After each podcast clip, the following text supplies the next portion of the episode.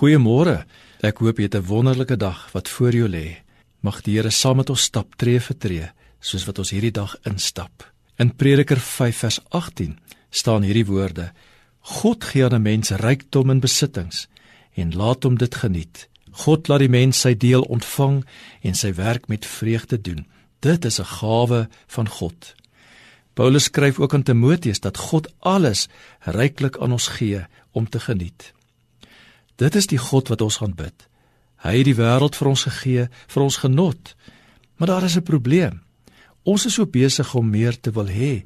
Ons is so besig om meer te verkry dat ons nie geniet wat ons reeds het nie. Die geheim van gelukkig wees is om te leer om te geniet wat God vir jou gegee het.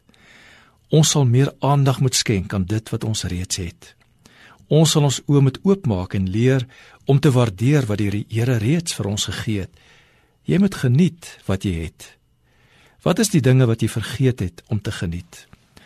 Dalk die feit dat jy kan sien of hoor of proe of voel of ruik, praat. Die feit dat jy normaal kan dink. sien jy hoe die blare verkleur en neerval in hierdie wintertyd? Of dink jy net aan die verpesting van die opvee van al hierdie blare? sien jy die winterblomme raak? Hoe die winter 'n ander bekoring inhou? Wanneer laas het jy 'n sonopkoms beleef? Wanneer laas het jy het jy die voëls getel wat in jou tuin kom kuier? Wanneer laas het jy vir jou lewensmaat gesê dat hy of sy vir jou kosbaar is?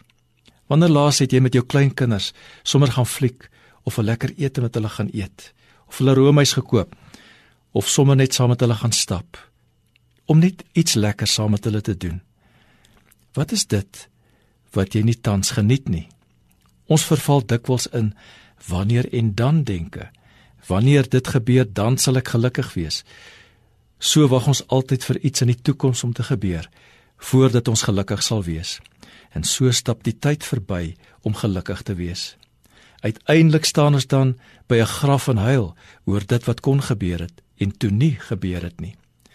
Wanneer ek eers 'n ou of 'n meisie het, dan sal ek gelukkig wees. As ek eers getroud is, dan sal ek gelukkig wees.